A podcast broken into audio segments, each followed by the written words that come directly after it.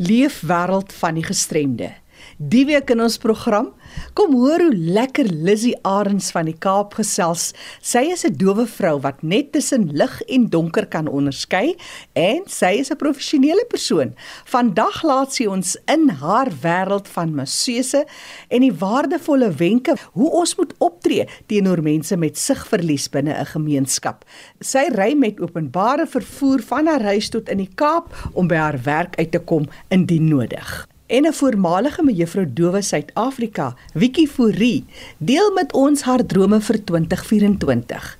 Hierdie vrou leef vol en haar kokleaire implantings het nuwe lewe vir haar gebring. Sy het groot geword in 'n hoofstroom skool en vandag wil sy juis ander met gehoorverlies bemagtig. Maar nou eers die volgende brokkie inligting. Children's Christmas Pudding Mix het in 1965 begin. Dis 58 jaar later en hierdie groepie vriende het oorspronklik begin om geld in te samel vir 'n kleuterskool op 'n wynplaas in die Konstansie omgewing. Elke persoon het bestanddele geskenk en so het hulle die eerste jaar 12 groot Kersfeespuddings gemaak en huis toe geneem om te stoom. Die sukses van die poging was so groot dat dit jaar na jaar net gegroei het. Vandag 58 jaar later gebruik hulle dieselfde resep, maar dit het gegroei van 12 puddings tot 2400 van hierdie nageregte. Vyf welsynsorganisasies het saamgespan, almal het te doen met kinders in die suidelike voorstede. Die komitee se groep van 10 dames en 2 mans wat alles laat glad verloop. Die departement van koswetenskap en tegnologie en agrikos tegnologie, Seepoet, hanteer die meng en die stoom van die puddings. Die komitee doen self die verpakking, dis in Belwel Suid by Seepoet en die leerders van die Vera skool vir autistiese leerdlinge weeg en verpak die bestanddele in die regte gewig en vervoer dit dan na hulle. Dis 'n spanpoging van die Vera skool vir leerders met autisme in Rondebos Oos, Woodside Special Care Center, 'n nasorgsentrum vir fisies intellektueel gestremde kinders ook in Rondebos Oos dan die Lelie Bloem huis vir kinders, die Athlone Christine Revel House en APD Houtbaai. Vir meer inligting en om van hierdie Kersfeespuddings te bestel, kontak vir Anita Reed by 082 442 8894 of jy kan 'n e-pos stuur na fundraiser@vera.co.za. Net gou weer Anita Reed se telefoonnommer 082 4428894. Onthou jy kan vir my ook 'n e-pos stuur as jy nie vinnig genoeg kon neerskryf nie. Dis nou vir terugvoer of vir navraag, dalk nuus uit jou geweste. Jackie by rsg.co.za. Maar nou sluit ons eers aan by kollega Fanie De Tooy daar in die Kaap. Baie dankie Jackie. Ek gesels vandag met Lissy Arends en sy is iemand wat blind is en ons wil 'n bietjie meer leer uit haar leefwêreld. Welkom hier by RSG Lissy. Baie dankie Fanny. Lissy, vertel ons 'n bietjie waar woon jy, bietjie meer oor jouself. Ja, Fanny, ek is gebore in Wellington, maar ek as kind was ons by die skool vir blindes in Welwelsheid op 'n koshuis, maar op die oomblik woon ek in Wesbank. Jy woon in Wesbank. Ja. Nou as mens kyk na iemand wat blind is se perspektief, die omgewing en hoe jy funksioneer binne die omgewing. Maar kom ons draai losie bietjie terug en ons kyk na jou skool daar as 'n kind.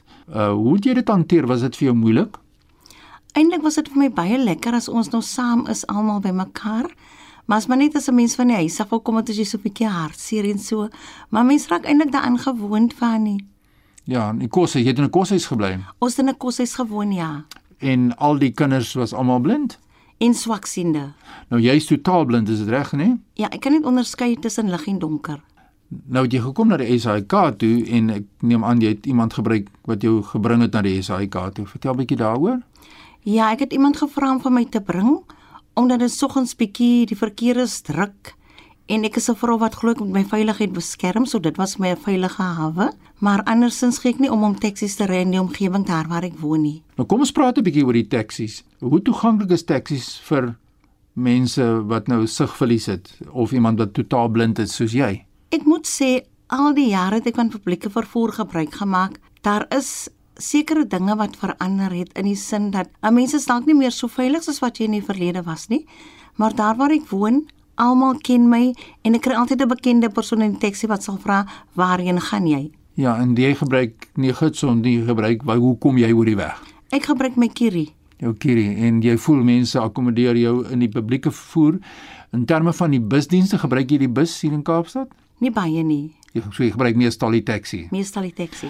Ek gesels met Lissy Arends en sy is 'n persoon wat blind is. Sy kan onderskei tussen lig en donker en ons kyk bietjie na haar lewe wêreld waar sy skool gegaan het en by kerkaspekte, hoe skakel jy in? Is daar mense wat jou kom haal kerk toe neem of hoe werk dit? Ja, in die area wat ek woon, is daar mense wat my kom haal elke Sondag. As ek nie kan gaan nie, sal ek vir hulle skakel om te sê ek is nie daardie Sondag beskikbaar nie, maar ek word gehaal en teruggeneem huis toe. Nou kom dit by werkgeleenthede. Vertel ons 'n bietjie, het jy voorheen by plekke gewerk? Is dit moeilik om toegang te kry tot die oop arbeidsmark? Vertel ons meer daaroor. Ek het vir 17 jaar by Parel Hospitaal gewerk op die skakelbord en ek het die een van Maart klaar gemaak, so ek is nou by die huis, maar ek het baie geniet om daar te werk. Ons is nog in kontak elke dag. Ons het in 'n span gewerk en almal was so toeganklik. Die kantoor waar ons gewerk het, is ook aanpasbaar vir blindes. Soos daar's byvoorbeeld niks in die pad en so nie, so jy kon vrylik beweeg en ons het 'n goeie sin vir humor onder mekaar gehad. Dis baie interessant. Dit wys net as jou omgewing toeganklik is, is daar eintlik niks wat 'n persoon weerhou of strem om onafhanklik te kan lewe en 'n volle potensiaal te kan bereik nie. Maar wat baie interessant is, die kursus wat jy gedoen het, massering. Vertel my 'n bietjie wat behels dit? Ja, massering uh, behels verskillende dinge van nie. Is nie net om te leer hoe mense te masseer nie.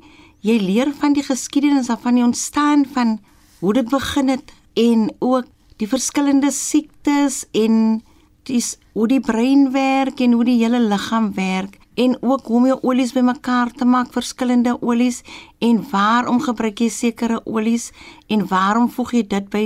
Dat is baie interessant en hoe, as jy miskien byvoorbeeld vra praat van soveel druppels moet jy byvoeg dan word jy geleer hoe om dit ook te doen.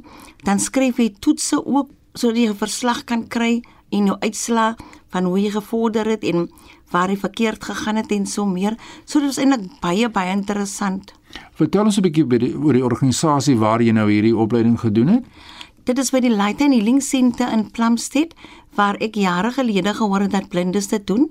Die organisasie is was verlede jaar, ja, ek dink 25 jaar al wat dit bestaan. Is maar nie daai tyd was ek nou nog nie gereed om dit te doen nie, maar ek is bly dat ek nou die kans gekry het om dit te doen. Nou gaan julle voltyds in na die sentrum toe of hoe werk dit in die praktyk of kontak die sentrum julle as daar mense is wat nodig het van die dienste van julle? Hulle sal vir ons kontak ja van nie, maar ek gaan nie gereeld daarheen nie omdat ek dit sommer van die huis af kan doen, maar dan moet die persoon 'n afspraak met my maak. So jy kan van die huis af as 'n entrepreneur werk om dan hierdie massering te doen. Light and Healing Centre hier in Kaapstad het hierdie inisiatief geneem om mense beskikbaar te stel aan die breë gemeenskap wat dan opleiding ontvang om hierdie masseerwerk te doen aan die breë gemeenskap. Vat ons 'n bietjie deur die proses. Iemand maak nou aanspraak. Hoe bepaal jy watter tipe massering die persoon ontvang en hoe werk die proses? Vertel ons 'n bietjie in die praktyk. Ja, van die dinge waar waarvoor die persoon vra. Mens sal vra vir 'n full body of 'n of 'n back and neck massage Ja. of miskien net vir jou voete of jou hande. Maar 'n blinde persoon word eintlik um, so vaardig dat jy sommige jy kan die pyn eintlik identifiseer. Dis interessant. Terwyl jy die persoon um, masseer, sal jy eintlik weet die rede hoekom ek ook dit gedoen het. Ek glo dat ek kan mense met my hande ook bedien. Ek gebruik altyd my stem.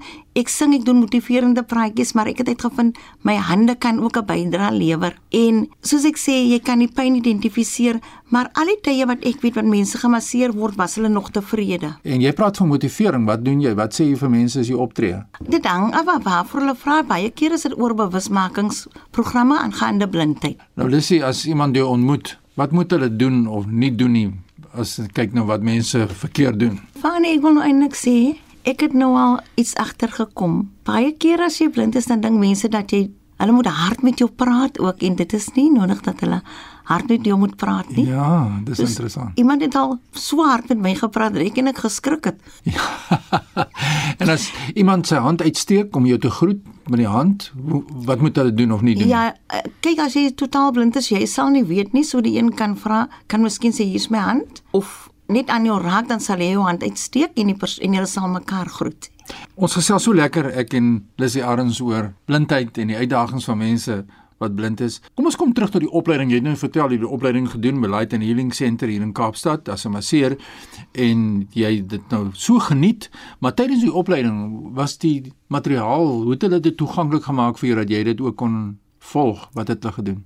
Alles was gereël en alles was gerieflik. Die toetse, selfs die vrae en die notas, alles was in brail. Dit is fantasties. So dit wys jou net as 'n mens die nodige inligting kan kry, kan jy vorder soos wat jy nou ook inderdaad gevorder het. Is daar nog persepsies in die gemeenskap wat ons bietjie oor kan gesels rondom blinde mense wat jy graag wil hê mense moet anders dink wanneer hulle dink oor blindheid? Ja, ek sal graag wil hê mense moet ons aanvaar soos een of ander persoon, 'n gewone persoon in die samelewing. Dis maar nie die feit dat ons blind is, maar ons is heeltemal vaardig. En in die huis, hoe kom jy in die huis reg? Kyk in die huis, het ek nog my hy so gerangskik dat ek heeltemal veilig daarin kan wees en ek kan myself daar bevind Ja, en my dinge doen soos ek dit verkies wat ek net nie van hou nie van nie soos ek en my seun woon saam partymal sal hulle nou of hy of baie mense het ek nou al agtergekom het as jy iets op 'n plek sit dan sal hulle dit miskien wegneem sonder om vir jou te sê ja ek dink dit is dis altyd eintlik van my en hy is bietjie pla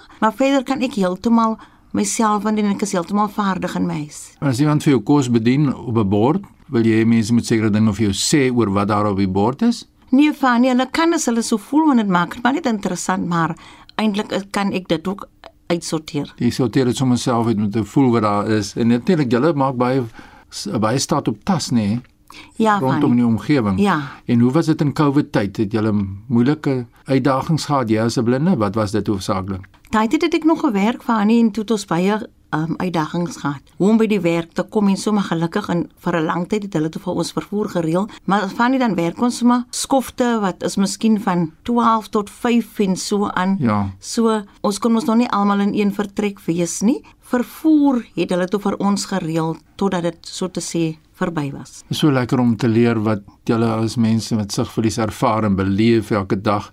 Ek wil net dit terugverwys na COVID tyd wanneer ons gehad het oor die higiëne wat so aangespreek moes word, alles moes skoon gemaak gewees het en iemand wat blind is wat baie baie staat maar op tas en aanraking, jy moet oral met julle aanraak en goed om julle weg te vind.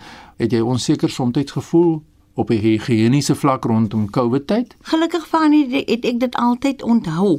Nou laaste boodskapie wat jy aan die breë gemeenskap het, ondersteun mense wat opgelei is as jy as 'n masseur. Ja, daar is definitief mense wat interveneers is en nie net om mense te masseer nie, maar selfs ander dingetjies, soos byvoorbeeld rotangwerk en so meer. Maar as ek moet praat van die masseer, is enige tyd welkom. Dit is iets wat werklik help want ek kan 'n voorbeeld maak.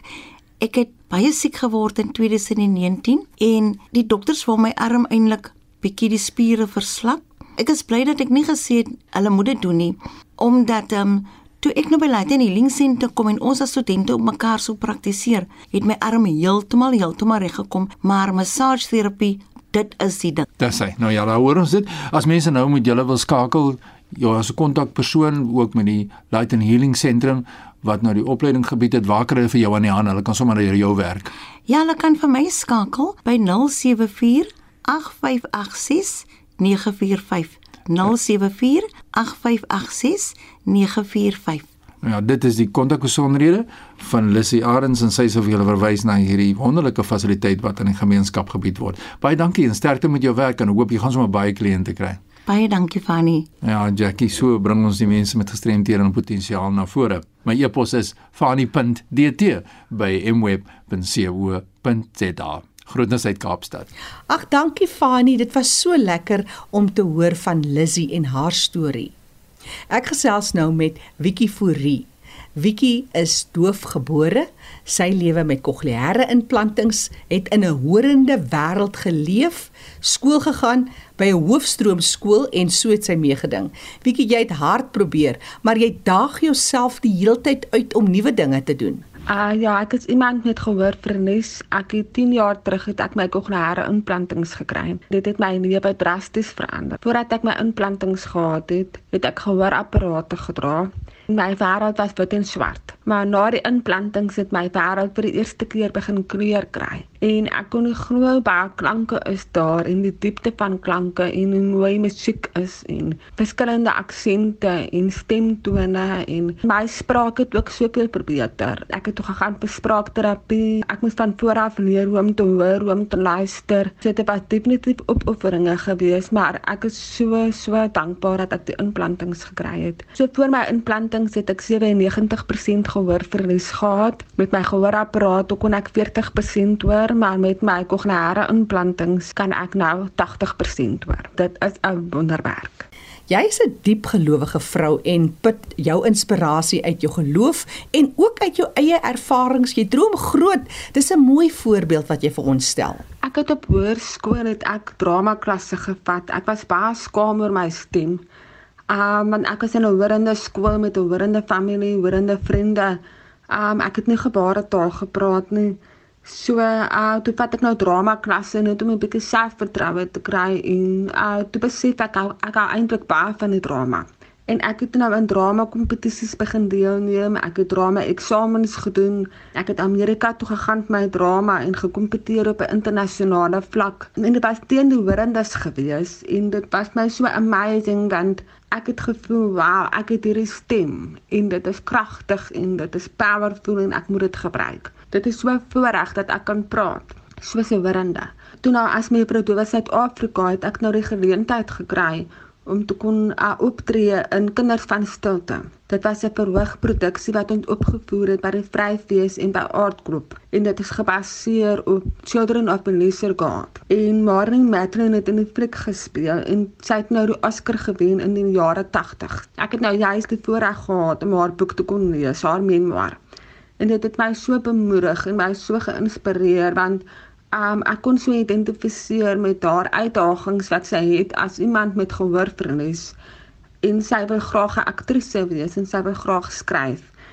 En uh ja, en ek het nou met um kinders van stilte moes ek nou nou vir die eerste keer leer om gebaretaal te praat en dit was soos om 'n nuwe taal te leer en dit is 'n mooi taal. Dit is so ekspressief en dit amper soos om te dans met jou hande. So ek het nou maar net gevoel na kinders van stilte dat ek sou graag ook produksies en televisie en flieks wil speel waar ek praat soos 'n hoorende want dit is wie ek is. Iemand met kognare implantings maar ek praat soos 'n hoorende en ek lees lippe Maar toe nou, toe voel dit nou vir my of die geleenthede wat ek kry, is toe nou van iemand wat doof is wat net gebaretaal praat. En ek sien toe nou Marlene Matron het ook maar daai uitdaging nog steeds. Want sy sê dit voel vir haar mense kyk na haar en hulle sien net hierdie dowe persoon wat net gebaretaal kan praat. Maar sy kan ook praat soos 'n hoorende en sy is eintlik so veelsidig. Sy kan verskillende tipe rolle speel en wat so ongelooflik is van mense wat gehoorverlies het, is elke elkeen se storie is anders en daar is nie een boks nie. Is ek as iemand met met kognare implantings. Ek praat soos 'n hoorende. My storie is weer heeltemal anders as iemand wat doof is en wat kies om gebaretaal te praat of iemand wat bietjie gehoor verlies het en hulle kan net nie hoë stemtone hoor nie, maar hulle kan na stemtone hoor. En dan kry jy mense wat in oorlog was en hulle het hulle gehoor verloor, so hulle kon voorheen hoor. So daar's so baie verskillende stories wat 'n mens kan vertel. Ek het nou maar net begin dink daaroor, maar hoekom skryf ons nie meer stories daaroor nie? Hoekom is dit net iemand wat nie kan praat of wat kies om nie te praat nie? Hoekom kan ons nie die storie weier maak nie? Daar is so 'n diepte en so 'n rykdom van stories van mense met gehoorverlies. Wiekie so nou gaan dit gebeur. Jy gaan volgende jaar studeer en jou uiteindelike doelwit is om onder andere die mooi stories en deursettingsvermoë van mense met gestremthede te vertel. Hierdie jaar het die Here vir my 'n woord gegee. Toe sê hy vir my, "Dikkie, jy moet dieper gaan." En ek sien toe nou hierdie prentjie van 'n walvis en hoe, hoe hy diep in die water gaan en hy kan vir lang tye onder die water wees en dan kom hy eers weer uit. En toe ervaar ek net maar ek moet weer my memoir skryf hierdie jaar. En ek moet dieper gaan. Ek moet bietjie kyk na my lewe. Ek moet kyk uh, wat het gebeur in my lewe? Hoekom is ek waar ek is? Wat het die vrae wat ek het? Is daar nog mense wat ek moet vergewe? Want ek dink hoe ouer ons word, hoe meer bagasie het ons eintlik, maar dit moet eintlik die teenoorgestelde wees. Ons moet eintlik al hoe ligter raak. So ek het nou besluit hierdie jaar ek gaan my memoir skryf en ek het eintlik my lewe opgedeel in verskillende berge wat ek moes geklim het in my lewe. So dit was nou vir my so 'n uitsonderlike genesingsproses. Net om te kyk na die verskillende berge in my lewe, daar was omtrent so 10, 11 berge in my lewe gewees wat geweldig was. Soos byvoorbeeld my gehoorverlies toe ek geskiet is op skool. My kognare implantings, my verhouding wat ek gehad het, my pa wat oorlede is. Partykeer dan gebeur die lewe so vinnig dat jy nie tyd om dit goed te prosesseer nie. So ek het hierdie jaar net deur al my joernale gegaan en deur my fotos en uh, my funksies, my optredes wat ek gedoen het om te kyk wat is die storielyn in my lewe, wat is die goue draad. En dit is hoe ek nou agtergekom het, maar my naam beteken mos oorwinnaar, so dit beteken ek gaan uitdagings hê. So daar was geweldige uitdagings in my lewe. En terwyl ek nou besig was om my memoir te skryf, toe besef ek ek het eintlik so baie drome, soveel idees wat ek deur my lewe bymekaar opgegaar het van flieks en televisiereekse en boeke wat ek graag wil skryf. Ek was nie regtig so bewus van dit nie want wanneer die lewe besig is om te gebeur met jou, dan het jy nie regtig tyd om goed te prosesseer nie. So ek het nou al daai idees begin neerskryf en ek het nou so 'n leer gemaak van goeders wat ek wil skryf en baie van dit het te doen met my gehoorverlies. Dit is eintlik so 'n baie spektrum van dinge wat gebeur het in my lewe. So ek kan eintlik so fleksibel wees wanneer dit kom by my gehoorverlies en ek kan verskillende tipe stories vertel van verskillende hoeke af. So ek het eintlik so baie werk, werk wat wag vir my. ek het eintlik so baie dinge wat ek wil aanpak. So ek is so opgewonde daaroor. Ek is so dankbaar dat ek hierdie jaar my memoir kon skryf en dat ek net kon sien, wow, maar ek het eintlik 'n skatkis binne my. Ek het eintlik 'n rykdom van idees binne my. En vir jare het ek gewonder maar hoekom is die deure toe? Hoekom gaan die flieks nie oop nie? Hoekom gaan die televisie goed nie oop nie? Hoekom sukkel ek so? Ek het die hele tyd gewag vir die deure om oop te gaan, maar toe besef ek hierdie jaar, ek is eintlik 'n deur. Is die deur en ek kan binne myself gaan en ek kan kyk wat is dit wat ek nou wil aanpak? Watter faset van my lewe kan ek gebruik en dit meng met fiksie? En dan nou kyk of dit kan vlerke kry. Ek is baie opgewonde oor volgende jaar. Ek was 'n paar jaar terug aanvaar om te swat by 'n universiteit en dit het toe ongelukkig nie uitgewerk nie en toe ek nou my memoir geskryf het oor die jaar, toe besef ek my weet jy ek het nog steeds daai begeerte ek sal graag graag wil gaan studeer. Toe het ek nou aansoek gedoen by AFDA en vir die eerste keer het hulle 'n graad in kreatiewe skryfkuns. En ek is so so opgewonde daaroor want ek onthou toe ek klaar gemaak het met skool, toe ek dit baie graag geswat het, maar hulle het dit nie in Suid-Afrika gehad nie. En nou vir die eerste keer het afdat dit. En wat so amazing is van hulle kursus, is dit fokus juis op die goed wat ek graag wil doen. Hoe om boeke te skryf hoe om 'n boek te vat en dit te adapt in 'n in 'n screenplay as jy 'n fliek skryf of 'n uh, verhoogstukke of televisie uh, reekse um, as jy dokumentêre wil skryf hoe doen jy navors? So ek is so so opgewonde. Ek het nou aanvaar om te swat by afda volgende jaar met kreatiewe skryfkuns en ek kan nie wag om dit te doen nie weet in my gees dat dit dit dit wat ek moet doen dit is die perfekte graad vir my.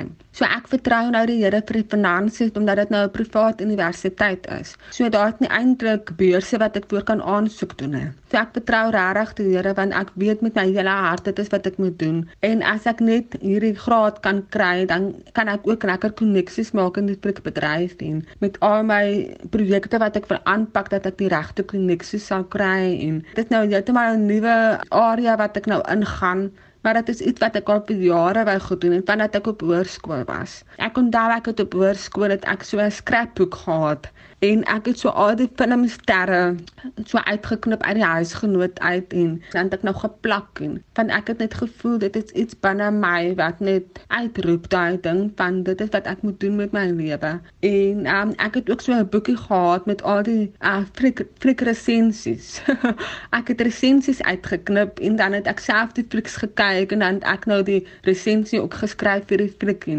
En ek het nou nog daai boekie. So ek het nog al die jare baie maal oor boeke lees en flieks en televisie reeks. So dit sal my so voorreg wees as ek in daai rigting kan gaan. Want ek voel veral mense met gestremdhede, daar is so baie stories om te vertel. Maar dit voel vir my daar's nie regtig die platform vir dit nie. Daar word nie regtig iets, ges, iets geskep vir dit nie. En dit is iets wat Marlene Matlin ook maar vandag mee voorste sy werk hard daaraan om vir die mense met gestremdhede 'n stem te gee. En uh, en soos wat ek gelees het in haar boek, ek voel Suid-Afrika het daai kapasiteit. Suid-Afrika het hierdie stories om te vertel dat ons kan sien maar wow Suid-Afrika is eintlik so amazing met sy stories van oorwinning en um die uitdagings wat ons het Vicky Fourie het vandag haar wêreld vir ons oopgemaak en ons in haar doofheid ingenooi en haar toekomsdrome met ons gedeel.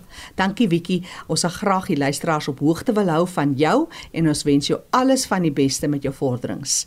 Vicky is baie aktief op sosiale media ook. Onthou die program is ook beskikbaar as 'n potgooi. Jy kan weer gaan luister by rsg.co.za.